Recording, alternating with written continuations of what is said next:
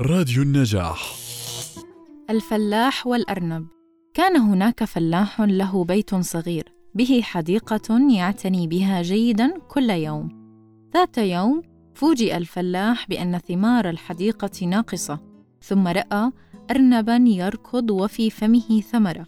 عرف الفلاح أن الأرنب هو الذي يفسد له زرعه. فوقف وهو يستشيط غضبا.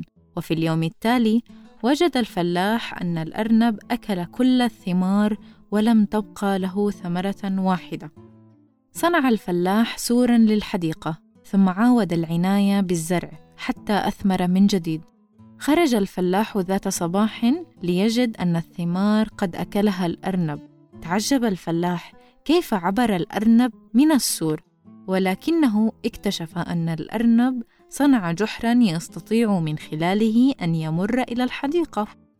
سد الفلاح الجحر وظل طوال الليل وطوال النهار يحرس الزرع لكنه تعب ونام. قرر الفلاح أن حراسة الزرع ليست هي الحل فذهب إلى الملك ليطلب مساعدته.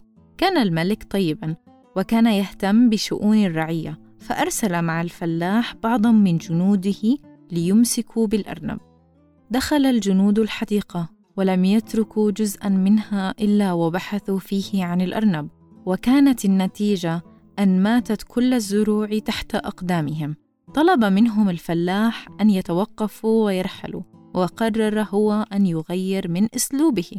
فإذا كان الأرنب جائعا فسوف يطعمه. وهكذا تعود الفلاح أن يضع طبقا من الطعام للأرنب ليأكل منه.